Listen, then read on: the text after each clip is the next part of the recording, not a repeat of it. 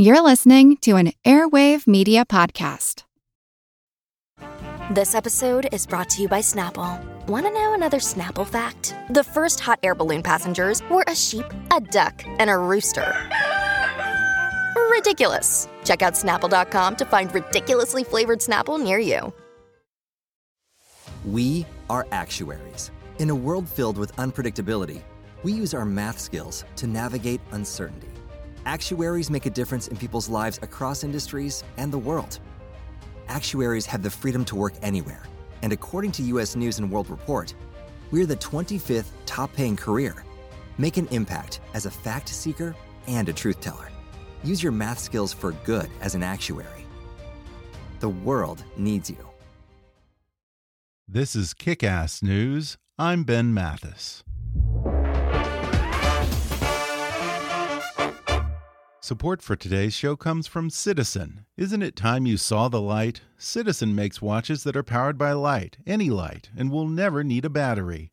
So stay on time with Citizen's collection of Eco-Drive watches. They're for just about everyone who prefers to be on time. Visit citizenwatch.com slash podcast for more. That's citizenwatch.com slash podcast. We use them every day to learn, design, and strategize. Dry erase boards and now glass marker boards are must haves in every stage of life. For the visual display products you need and the quality of service you deserve, US Marker Board is the place to go. A full service shop with a highly trained staff, US Marker Board is able to handle any request, no matter how large or small. Visit usmarkerboard.com today and use the promo code KICK to get 12% off your next order. Again, that's usmarkerboard.com and promo code KICK for 12% off. Come see what US Marker Board can do for you. And now, enjoy the podcast. Hi, I'm Ben Mathis. Welcome to Kick Ass News. It's no ordinary thing when America's generally low key intelligence community decides to take an increasingly public profile and its typically cautious leadership starts making the rounds on cable news shows. But then, these are no ordinary times, and for the first time in their history, CIA, NSA, and an alphabet soup of agencies comprising the IC find themselves under attack not from a hostile foreign government, but from a hostile president the very commander in chief they advise and serve. For the men and women who guard America's secrets and provide her first line of defense, President Trump's unprovoked and wholly unfounded vilification of the IC is more than just a personal vendetta. It's dangerous. No one understands this better than General Michael Hayden, the former director of the CIA and NSA, who's been at the forefront of those standing up for the IC and expressing grave concerns about the president's behavior. He lays out his case in his latest book titled The Assault on Intelligence American National Security in an Age of Lies. Today, General Hayden returns to the podcast to refute the president's paranoid narrative of a so called deep state operating in the shadows and explain the lasting impact of a damaged relationship between the intelligence community and their commander in chief. He reveals what career intelligence agents tell him about that current relationship, including dealing with Trump's singular obsession with the CIA, tailoring the daily intelligence briefing to a president with zero attention span, and why the constant refrain among intelligence leaders who interact with him is Do you think he got that? General Hayden acknowledges that for much of the past two decades, Russia just really wasn't on the intelligence community's radar, talks about the lasting effect of the IC's decision to focus their efforts on cyber instead of information dominance, and reveals how one analyst saw early warning signs two years before the 2016 election. He weighs in on the president's nominee for CIA director, Gina Haspel, the decision to pull out of the Iran nuclear deal, and why he believes Kim Jong un is very unlikely to give up his nukes. Plus, the advice he gives those considering a job in the administration does the president's Twitter addiction help our enemies? And the Russian FSB's nickname for men like Donald Trump, the useful idiot. Coming up with General Michael Hayden in just a moment.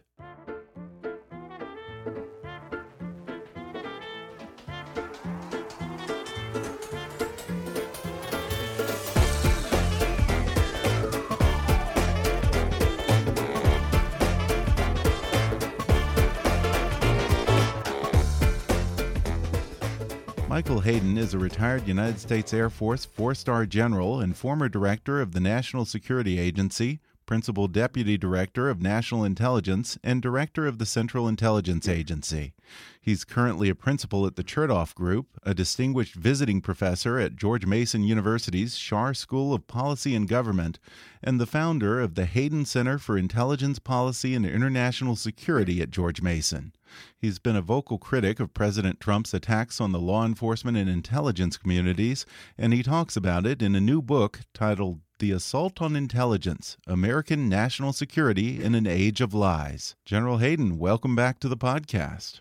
Thank you very much, Ben. The assault on intelligence, which I took as a pun in the sense that, yep. you know, Trump sort of insults all of our intelligence when he asks us to believe things like uh, he had no knowledge of hush money payments to his own mistress or tries to browbeat us into believing objective falsehoods. But more specifically, you're talking about his attacks on the intelligence community and career intelligence professionals like yourself. Certainly, we've had presidents in the past who were skeptical or even distrustful of the intelligence community, such as Richard Nixon.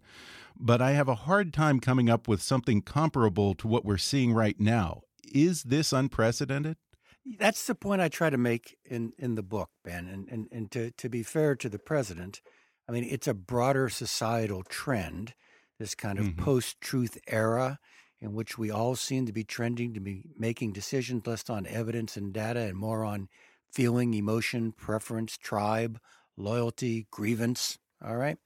Um, the yeah. president identified it as a candidate, exploited it masterfully, and now, as president, he seems to be making it worse by some of the things he does, a lot of the things he says and and, and so I, I, think that's the, the the broader phenomenon. Now you're right. I actually specifically say in the book, we've had presidents who have lied in the past. We have had presidents who have argued with us about what it is we're trying to tell him. But there's a difference here. This this seems to be a president who how to put this, Ben, who whose departure point for making decisions frequently seems to be something other than anyone's view of objective reality. It's just hmm. that it doesn't matter. Um, I'm trying to think of of concrete examples. The, the one that really struck me is early in the administration. Remember the Muslim, not a Muslim ban, pays your money, takes your choice yeah. on the title. But recall that going out the door about eight days into the administration. That was based upon campaign rhetoric of an apocalyptic threat to the country from refugees and an absolutely dystopian vetting system, neither of which were true. And anybody who had any experience could tell you that it, neither of those were true. And it's not surprising. I count them up in the book, Ben. Five former directors or acting directors of CIA, two deputy directors, a director of national intelligence, and a head of the National Counterterrorism Center all go online as part of an amicus brief to the court saying that's just not right.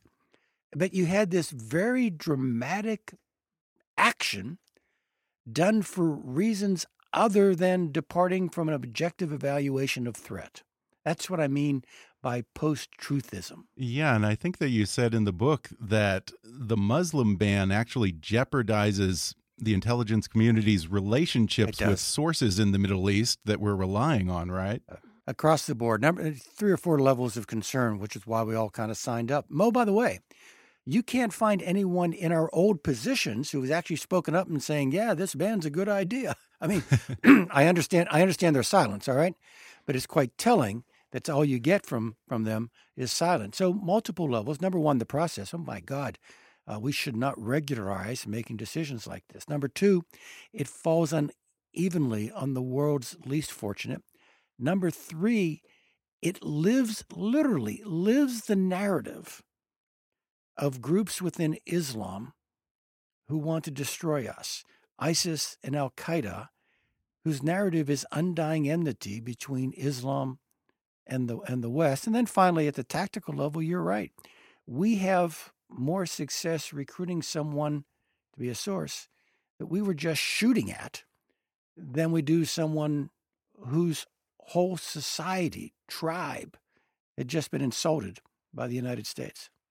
Now, since the 2016 election, you say that you've been reminded a lot of your time as an intelligence officer in Sarajevo back in 1994. Tell us why that's yeah. so chilling. Yeah, so I begin the book with a walk through uh, reminiscences of a walk through Sarajevo at the height of the war there. And you could tell that this had been a beautiful, vibrant, multicultural city. And then you looked up in the hills, and all you could see were Serbian artillery tubes. And you wondered what manner of man could pull the lanyard and start shelling his former neighbors. But what struck me the most, Ben, as I walked through Sarajevo and met Sarajevans, was not how much different from us they were, but how much they weren't. Hmm. And the thought struck me that the veneer of civilization on which we all depend is actually quite thin. You realize that 10 years before I did that walk through ravaged Sarajevo, that city had hosted the Winter Olympics. And, and it had yeah. been a, a center for, for, you know, for international getting together. And, and now we had this. And so, you know, I, I make the point, look, I'm not predicting imminent societal demise here in America. but we shouldn't take these things for granted either. And that was my point. Now, before we go deeper into the relationship between President Trump and the intelligence community, just for a reference point, discuss what that relationship was like under the presidents you served. Yeah, so uh, mostly under President Bush, all right? And I need to car- turn cards face up, for whom I continue to have some measure of affection and certainly respect. a little bit under President Obama, um, not very long, uh, but I did have a chance to brief him. So, a couple of general observations. N- number one, we have to accommodate to the president. President Obama learned in the quiet movement, in, in moment, in, in the reflection, in the reading. President Bush learned in the conversation. Okay, well, we can adjust to that. Um, we have to respond to the president's priorities. What does he believe is most important? What is it he wants to get done? And and I and I, I guess I point out that we're rarely been a syllogism where we mm-hmm. go in there and say whereas whereas and the president says well heck therefore we on a good day what it is we do based upon our best view of reality is to create the left and right hand boundaries for legitimate policy discussion all right. Yeah. That's what we get to do. And and what I see happening in the in the Trump administration, and this is a constant struggle, and I hope things get better, and, and uh, you know maybe are getting better. I don't know, but there seems to be a detachment between what the president decides and and and what these professionals are telling him about objective truth. Let me just let me just go to the headlines of the last 48 hours, all right? So we've walked away from the Iranian agreement. I know that current American intelligence is telling the president one, the Iranians are not in material breach of the agreement, they're not cheating. Two, Iran is further away from a weapon because of this agreement than they would be without it. Three, we know more about the Iranian program because of this agreement than we would know about the, the Iranian program without the agreement. And yet, we just walked away from the agreement. It's not so much that the president argued about those points, he didn't.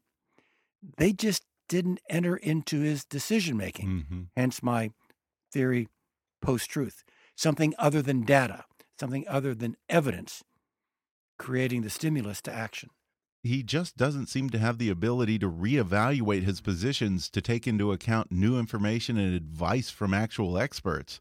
At times, it seems that every single decision he makes simply boils down to whatever Obama did, I'm going to do the mirror opposite, regardless of whether it makes strategic well, sense or good policy. Uh, two points. Number one, you're right about the second one. All right, if you if, if if I'm a foreign intelligence officer and my prime minister is saying I'm having trouble making sense here, what do you think is the key indicator of what President Trump will do? And I'm I would say, oh, that's easy. Just figure out what President Obama wanted to do, and you, you, know, just turn it on its head, you're done. And that's that's Trans-Pacific Partnership. Yeah. It's Paris. It's the Iranian deal. It's red lines. I mean, it it adds up, and and so that's an important point. Now, to give the president credit, this president credit, uh, he did approach the decision in Afghanistan with what I would call regular order, and he gave a speech about eight nine months ago at Fort Myer in Virginia, in which he began my instinct was to leave. I generally follow my instincts. But, and then he talked about what you and I would call the regular order of government, mm-hmm. suggesting things to him, and he actually made a decision that uh, I, I, think we would call, for want of a better word, normal. Yeah. Oh, we, we may be right, maybe wrong. We can we can argue about it, but it was in the it, it was in the lane, if you know what I mean. Yeah, yeah, and I would say to some extent Syria as well. How do you see his breaking the Iran nuclear deal impacting his budding romance with Kim Jong Un in this upcoming summit? So the administration has one storyline. A lot of other folks, myself included, have another one. So the administration storyline is that's messaging Kim that uh, I'm going to be tough in the negotiations. Don't think you're going to get a sweetheart deal like this other one. My line is Kim's just been told that deals with the Americans aren't very permanent. Mm-hmm deals with the Americans can can be changed, and and so it it can cut both ways. But I've already suggested to you which way I think it will mm-hmm. cut. I think it makes it harder to to get Kim to yes in, in a way that he has confidence that he can make any concessions. And I think you say that regardless of this latest development, you're skeptical that North Korea is going to give up its nuclear status. Why is that? Let me begin, Ben, by saying I hope I'm absolutely wrong mm. and that we actually end up in a place where we truly do de- denuclearize. But denuclearization for Kim means something different than it does to us. For him, when he says denuclearization, he talked about denuclearization of the Korean Peninsula, which means to a first order, getting rid of the nuclear power that's on the peninsula right now, the Americans. And, and, and so one hopes that we can begin a process in Singapore in a, in a month or so that, that gets us to some meaningful reduction, stability, transparency, and so on. But back to the intelligence, Ben, yeah. the intelligence estimate is that Kim views the possession of nuclear weapons as essential to regime survival. And, and so one wonders does that intelligence position inform the American policy line? Does it inform our going in position? Does it inform our expectations for these talks? I have to wonder because I assume that you're still in touch with many people in the intelligence community. What are you hearing from them? Well, don't don't want to break confidences, all right? Okay. So let me tell you what it is I tell them. Yeah. All right. And, and what I tell them is, you know how to count. You know how the electoral college works. This man's the president. Go serve the president. Make the president better. Mm-hmm. Make the president more successful. All right. But but then but then I add, but these are very unusual times, and and we have we have this the things you and I have already talked about, Ben, in terms of this disconnect between what seems to be objective reality and some decision making. And again, I'm I'm happy to debate objective reality, but that doesn't seem what's going on. It's just ignoring it. Mm-hmm. and so I tell folks, do your job. Make the president better than he would otherwise be. But but then I advise, but protect yourself. All right? Guard your own integrity. You might want to write things down a little more than you have in the past. And if you feel so inclined, keep that letter in the lower right-hand desk drawer. And and then then I get to the real punchline, which is preserving personal integrity is something we always expect of ourselves. But you guys have a greater responsibility, and that's protecting your institution. Now, right now, that applies probably more dramatically to FBI and the Department of Justice, but it could in, apply to the intelligence community as as well. And so, as I said before, Ben, we always accommodate presidents, all right? But there are limits to how far you can accommodate.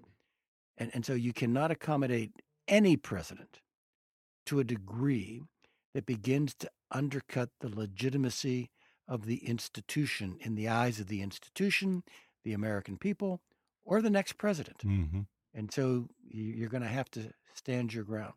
And when so many people in your field have spoken out against President Trump or refused to take part in his administration, isn't there a danger that a feckless president may have little choice left other than to surround himself with equally incompetent advisors and lightweights like Michael Flynn, who you say few people in the IC had very much respect for. Well, I, I don't know. Respect would be the right word, but he, I don't think many folks thought he was a good fit for that job. Okay. The national security security advisor job. Mike has done some wonderful wonderful things, but not in that kind of mm -hmm. that kind of position. So, so Ben, you bring up a great dilemma, and so I, I tell a story in the book of a pretty senior guy who called me up and said, "Hey, I, I think I might be on a short list for a very important position. What do you think?" And my answer to him, and this was fairly early in the administration, my answer to him was, "Well, you know, two months ago I'd have said, go do your duty. A month ago I'd have said, uh, let's have breakfast. Now I'm just telling you, I don't think you ought to go." Mm-hmm. Uh, I think you'll be frustrated. It's a very senior, a political appointee. This is not working for the government. This is a political appointee level. I said, I think you'll be frustrated. I, I don't know that you'll have much impact. You'll be very uh, disappointed. You'll probably leave early, and you've got your own reputation to take care of too because you're a young man. You're going to get to do this again. And so that was my advice. And, and, and yeah. Ben, that's that's really hard. The most difficult part of the book to write was when I was I was talking about H.R. McMaster and John Kelly and and Tom Bossert and others who were really wonderful people, and we all owe them a great debt of gratitude for doing what they're doing. But you know as well as I, two of the three are gone now, but all three have had their reputation suffer. Yeah. By being affiliated with the administration, and frankly, for some of the things they've had to say for the on behalf of the administration. And, and, and then I, I, I had a, a, very telling point, I think, at the end. And again, this is the part of the book I rewrote most because I have a great deal of respect for these people. But I asked the question at what point do you stop being a guardrail mm-hmm. and become and become an enabler and a legitimizer? And then I think I end the chapter with something that then what do we do if they leave? So there you have it. Yeah, that's the dilemma. Yeah, I, I, suppose that the, in the first months of the administration, you could have gone into it and taken a position with some degree of cautious optimism. But at this point, right. anyone who accepts a position has to know that sooner or later they're going to be completely humiliated. Well, you know, it's it's. I've worked in the West Wing. I've worked in the office of the president. Um, it's hard when it's just straight up day work, and I just can't imagine what it must be like given everything that's going on now mm -hmm. in American political life. We're going to take a quick break, and then I'll be back with more with General Michael Hayden when we come back in just a minute.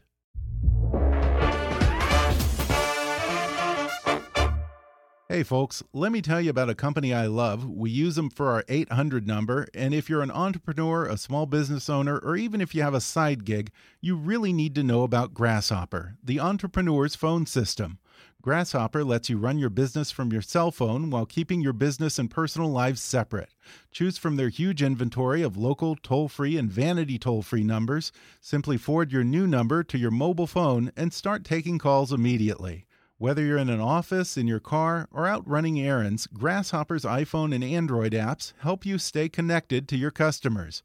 Not to mention, you can send and receive calls and texts from your business phone number, set up multiple extensions for everyone on your team, get your voicemails transcribed and emailed to you, work from anywhere with call forwarding to make and receive calls from your computer via the desktop app, and even utilize Wi Fi calling.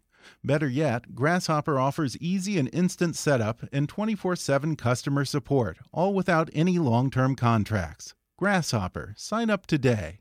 Go to grasshopper.com slash kick to get $20 off your first month. That's grasshopper.com slash kick. And now, back to the podcast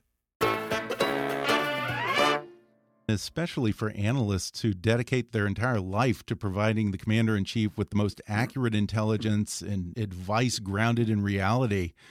You know, they're dealing with a president who doesn't just ignore objective facts, but seems to make major policy decisions in spite of the facts. That has to be wildly demoralizing to know that your hard work will almost certainly fall on deaf ears. So, so I, I, I talk in the book I try to address this, and I talked to a very senior fellow, recently retired, whose judgment I trust and kind of an iconic figure inside the community. And here's what he told me, Ben. I say, you know, the answer to the question, so what are people thinking?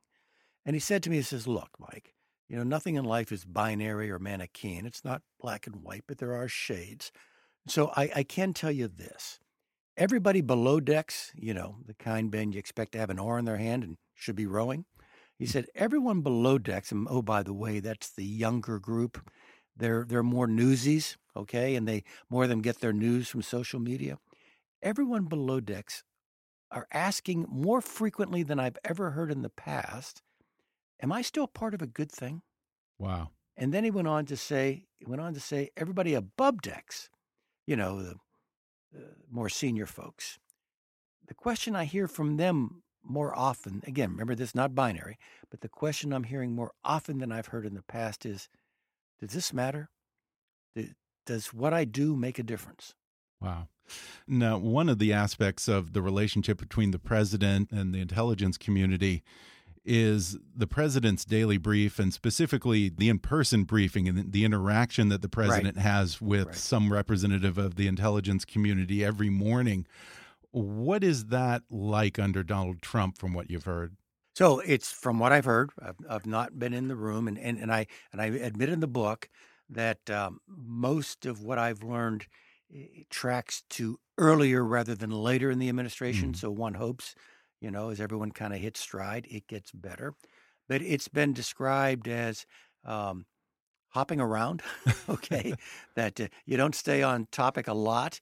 You, you you go from the intel point to somebody talking about the news to somebody talking about policy to somebody going to the news to getting back to the intel brief.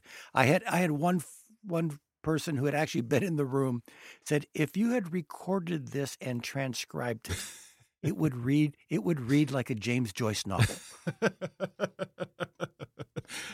and I think that you said in the book that the common refrain in the IC is quote, "Do you think he got that?" yeah, right, right. Which which you know, to be fair, we we is a question that occurs in other administrations too. Sure.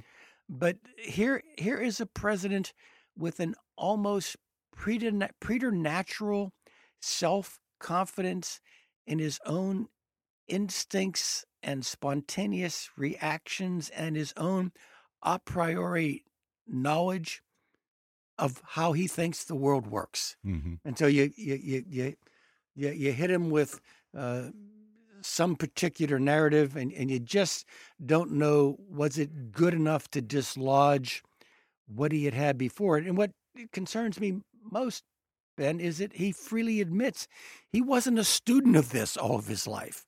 All right. Right. I mean, he, he, he freely admits he, he doesn't read a lot. And so if he's got these impressions of different things, and I think the one that seems most unshakable is his view of Russia and Vladimir Putin. Uh, what what do you have to say to get him off of that? yeah, and another one that I found kind of weird in this book is you talk about his obsession with the CIA to the exclusion of all the the 15 yeah. other agencies that comprise the intelligence community. What are the kind of things that he may be missing by fixating on that one component of the equation? So that yeah, that's a great point, and, and it, actually gives me a gives me a chance here to kind of tee up what I think is the migration mm -hmm. in the president's relationship with intelligence. And here I'm indebted to John McLaughlin, former acting director of CIA. John says our relationship with this president has gone through four phases. Phase one, the one you just hit, Ben, quite accurately, was ignorance. He really doesn't know much about the community. And so there was an instinct early on to equate CIA, which is kind of the public image of the community, with being the whole community. Yeah. And and to the degree the president does that, what you suggest is right. It creates this kind of structural imbalance because CIA is no longer the head of the community. Right, that's the director of national intelligence. So he went through this period of ignorance, and then we slipped over into this extended period. By the way, the periods overlap, and right now they're all coexisting. Uh, we went into a second period where it was raw hostility, and that was all anchored on the Russia thing. All right, in which the president, uh, again, not arguing the facts of the case, but in the best post-truth style, simply trying to delegitimize those who would question or oppose him. And that's really important. Hence, you got Nazis and intelligence in quotes and political hacks and so on. Then we get to the third phase. And again, remember, they all continue. We get to the third phase, that John calls inevitability. Kind of figure out that I actually got to talk to these guys. They know stuff I need to know. And so we're now in this phase of inevitability, which we've already suggested is, you know, not quite the same as it's been with other presidents. And then John predicts phase four. Phase four is what happens after Bob Mueller reports out. And, and there, uh, I, I do think we're we're in for some white water. Yeah, and before we get into the Russian election interference, first tell us what was the overwhelming thinking with regard to Russia during your tenure at CIA and NSA? I'm the first one to volunteer for the re-education camp. Um, I didn't. Uh, I, I, didn't pay as much attention to Russia as I should have. Now, in extenuation, you know, I was focused on counterterrorism and counterproliferation. Right. This is 06, 07, 08. All right. Uh, but in retrospect, we all should have been paying more attention to the Russians. And so I think we kind of let them slip the leash a little bit so that when Putin comes back and in his second run as president after the Medvedev interlude, uh, he's he's coming at us in the West pretty strongly, and and I think we were a little late to warn in the second Obama administration, and I think it's fair to say the Obama guys were a little late to respond, mm-hmm. even after we got we got to warning, and then we get a new president who just seems very challenged to accept Russia as a threat. And here we are. Now, in fairness to you, I will say that you were focused on cyber 20 years ago when you took over the Air Force oh, Intelligence yeah. Agency. Right. Um, in fact, you right. say back then the big debate was whether we wanted to be in the cyber business or the information dominance business. Right. First of all, for, for us civilians, what's the difference between the two and yeah. what have been the ramifications of that choice? Yeah. Great, great question. And it actually plays out to be very important. So back in Texas in the mid to late 90s, I take over a unit. We are pretty much cutting edge cyber. You'd expect the Air Force to kind of be up on that game. And we had a grand debate that I describe in the book as rivaling a theological debate at a medieval university. I mean, it was really intense. and and and the, and the distinction was are we in the cyber dominance business or the information dominance business? Cyber dominance is all that computer network stuff. Uh, kind of mm-hmm. computer network defense, attacking other people's networks, stealing other people's information? Or are we in the information dominance business, which, which is all the computer stuff plus deception, public diplomacy, psychological operations, and so on? And, and frankly, we kind of decided, nah, we're in the computer business. Uh, number one, that's hard enough, and this other stuff looks really complicated. And to be honest, Ben, you can't get very far in that information dominance bubble in American law before you start start bumping into the First Amendment and the Fourth Amendment and so on. Yeah. So we kind of focused on cyber dominance, which is why we got a cyber command up the road from me now. The Russians went to door number two.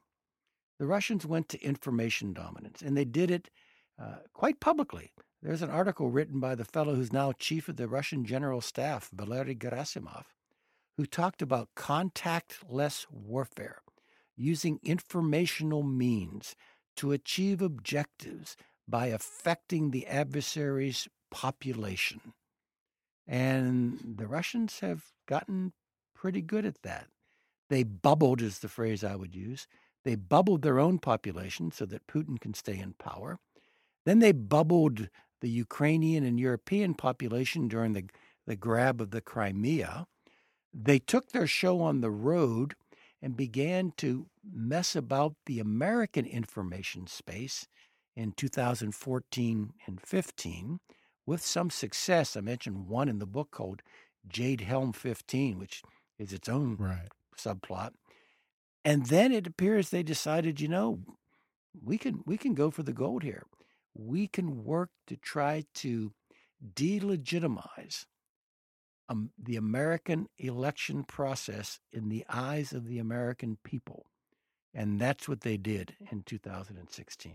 Hmm. And apparently, at least one man was sounding the alarm on this at least two years before the election. Clint yeah. Watts. Clint Watts was, yeah. Clint had it. He had it nailed, but he didn't get much of an audience. Oh, what was he seeing that presaged this Russian attack? So, so Clint was doing work for the government on ISIS. Remember the ISIS use of social media was quite troubling.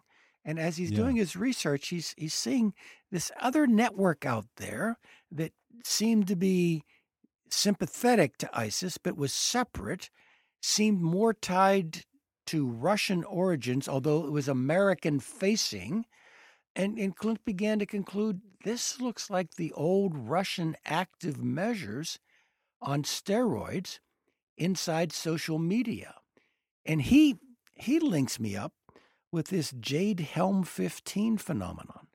Jade Helm was an exercise by American Special Operations in Texas and some other southern and western states. Pretty vanilla exercise. Right. That Russian bots and the American alt right media, and, and there is an unhappy alliance here between the two, not formal, but they echo one another, began to say this wasn't an exercise. This was that guy, Barack Obama, declaring martial law and rounding up political opponents. Now that sounds weird just in my saying it, but but it actually stirred mm-hmm. up many people in the Southwest, so much so that in Texas, the government had to call out something called the State Guard, which is kind of a volunteer organization under the Texas Military Department, to keep an eye on the feds as they were exercising because the bots and the alt right media were claiming abandoned Walmarts were going to be used as concentration camps. People had seen boxcars transiting Texas with leg irons on the floor. I mean, that, yeah, it sounds fantastical. But you had a lot of people. There, there, there, there was, as I say, a disturbance in the force in Texas. Mm-hmm be, because of it. And Clint's conclusion was at that point, the Russians said, okay, we can work these guys.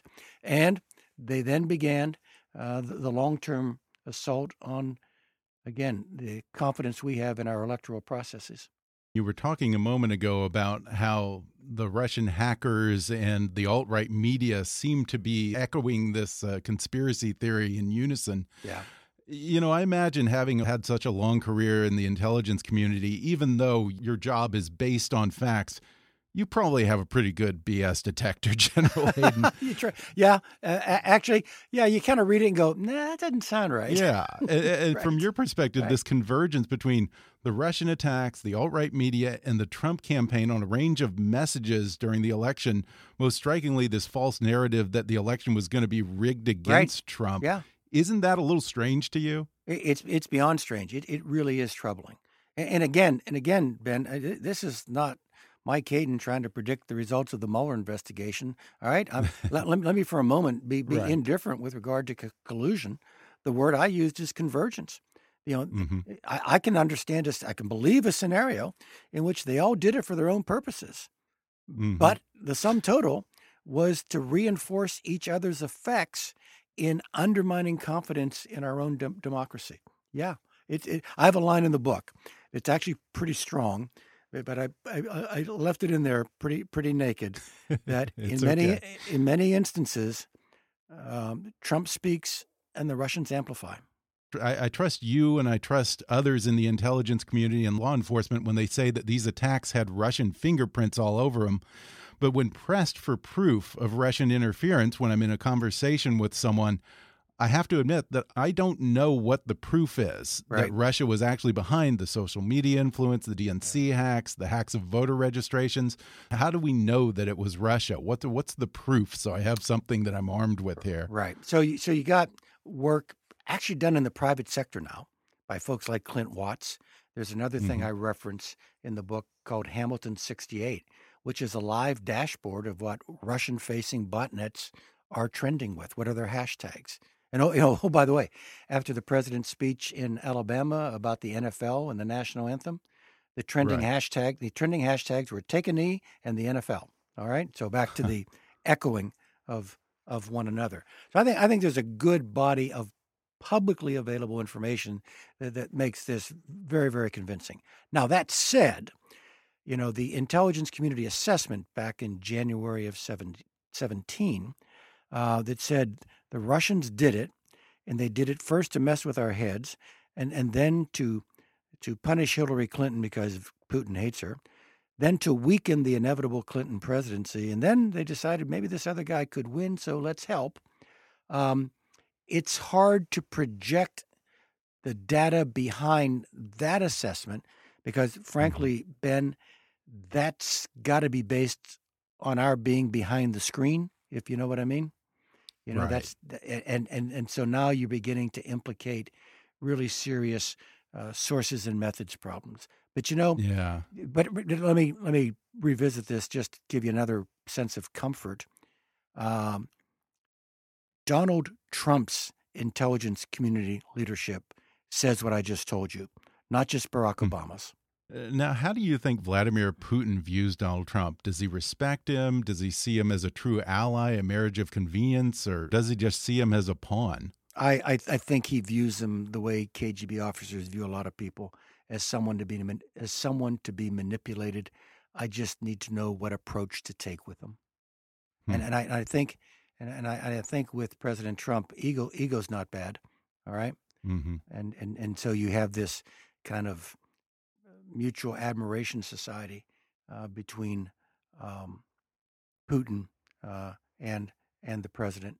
Uh, I, I think I think there there are other things that that he might use too. Again, to try to influence the president in a direction. Now, I I have to admit, you know, we, we kind of have a rule of thumb back at CIA.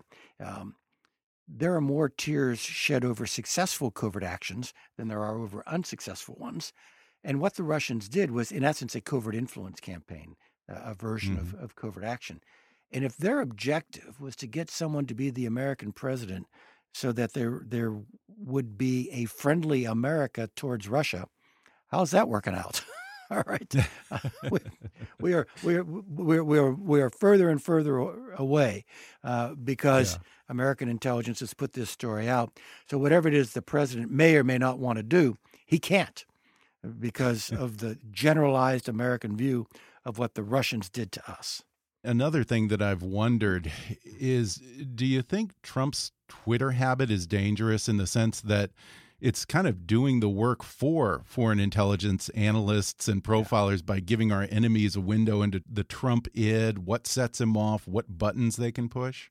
Yeah, so so I'll, I'll come at that question on two levels and and and just got to admit at the beginning, maybe I've got this wrong. Maybe that's the new normal.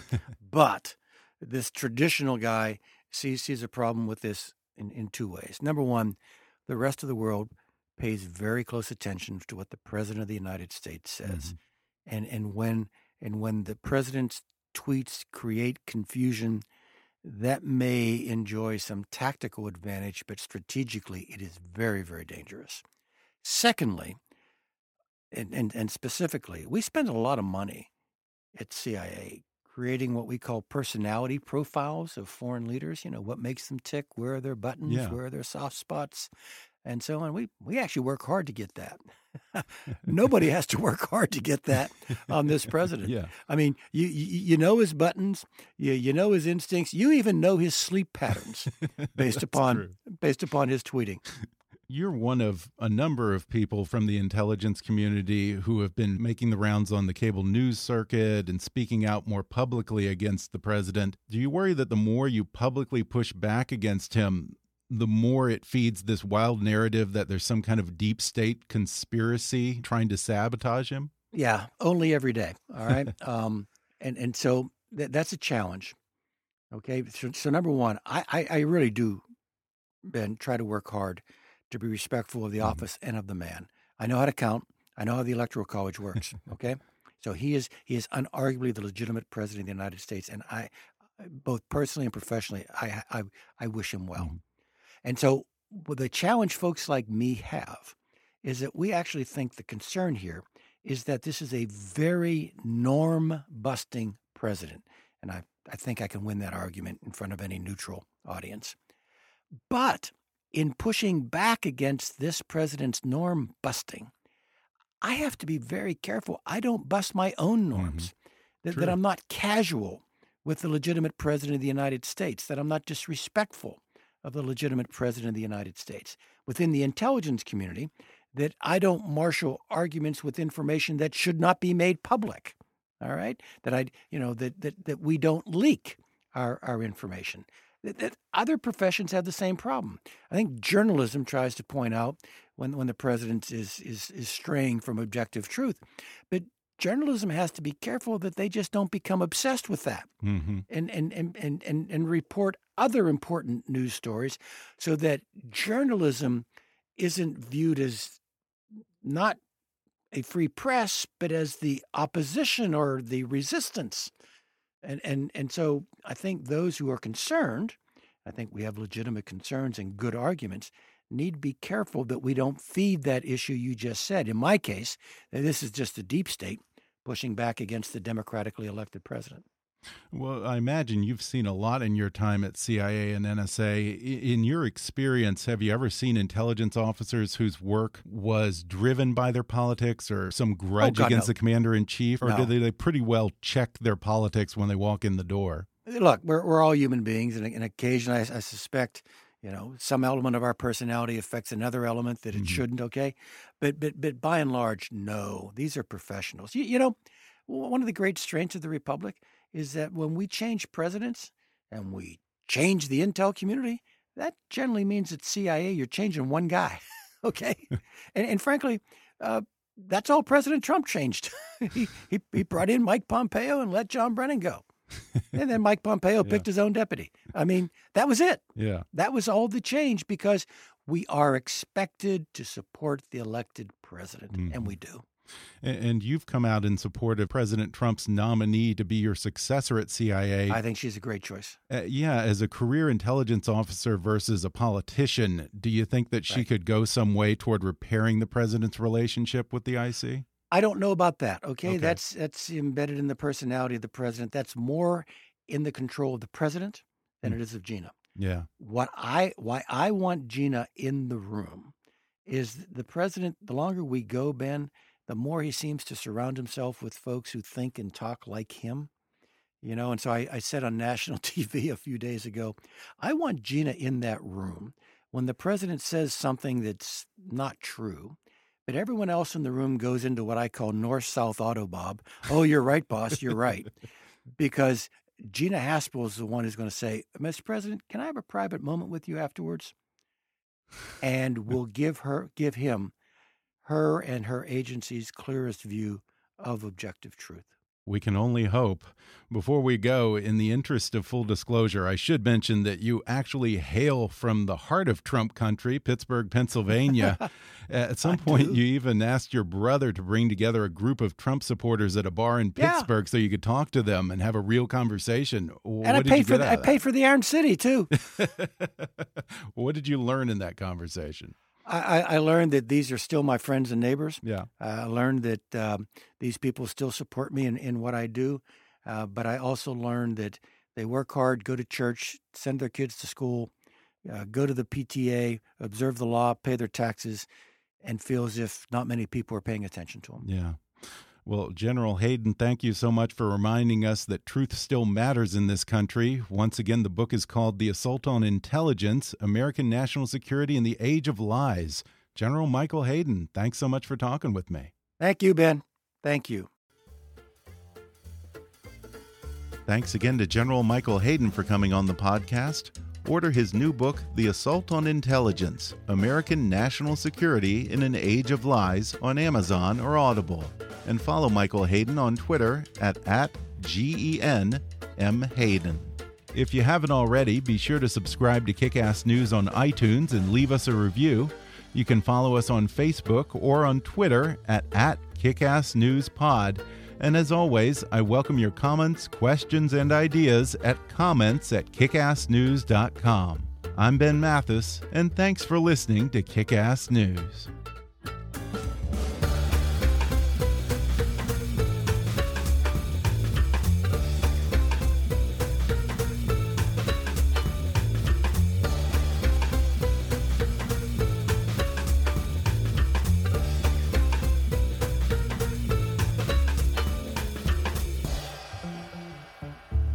Kickass News is a trademark of Mathis Entertainment, Inc.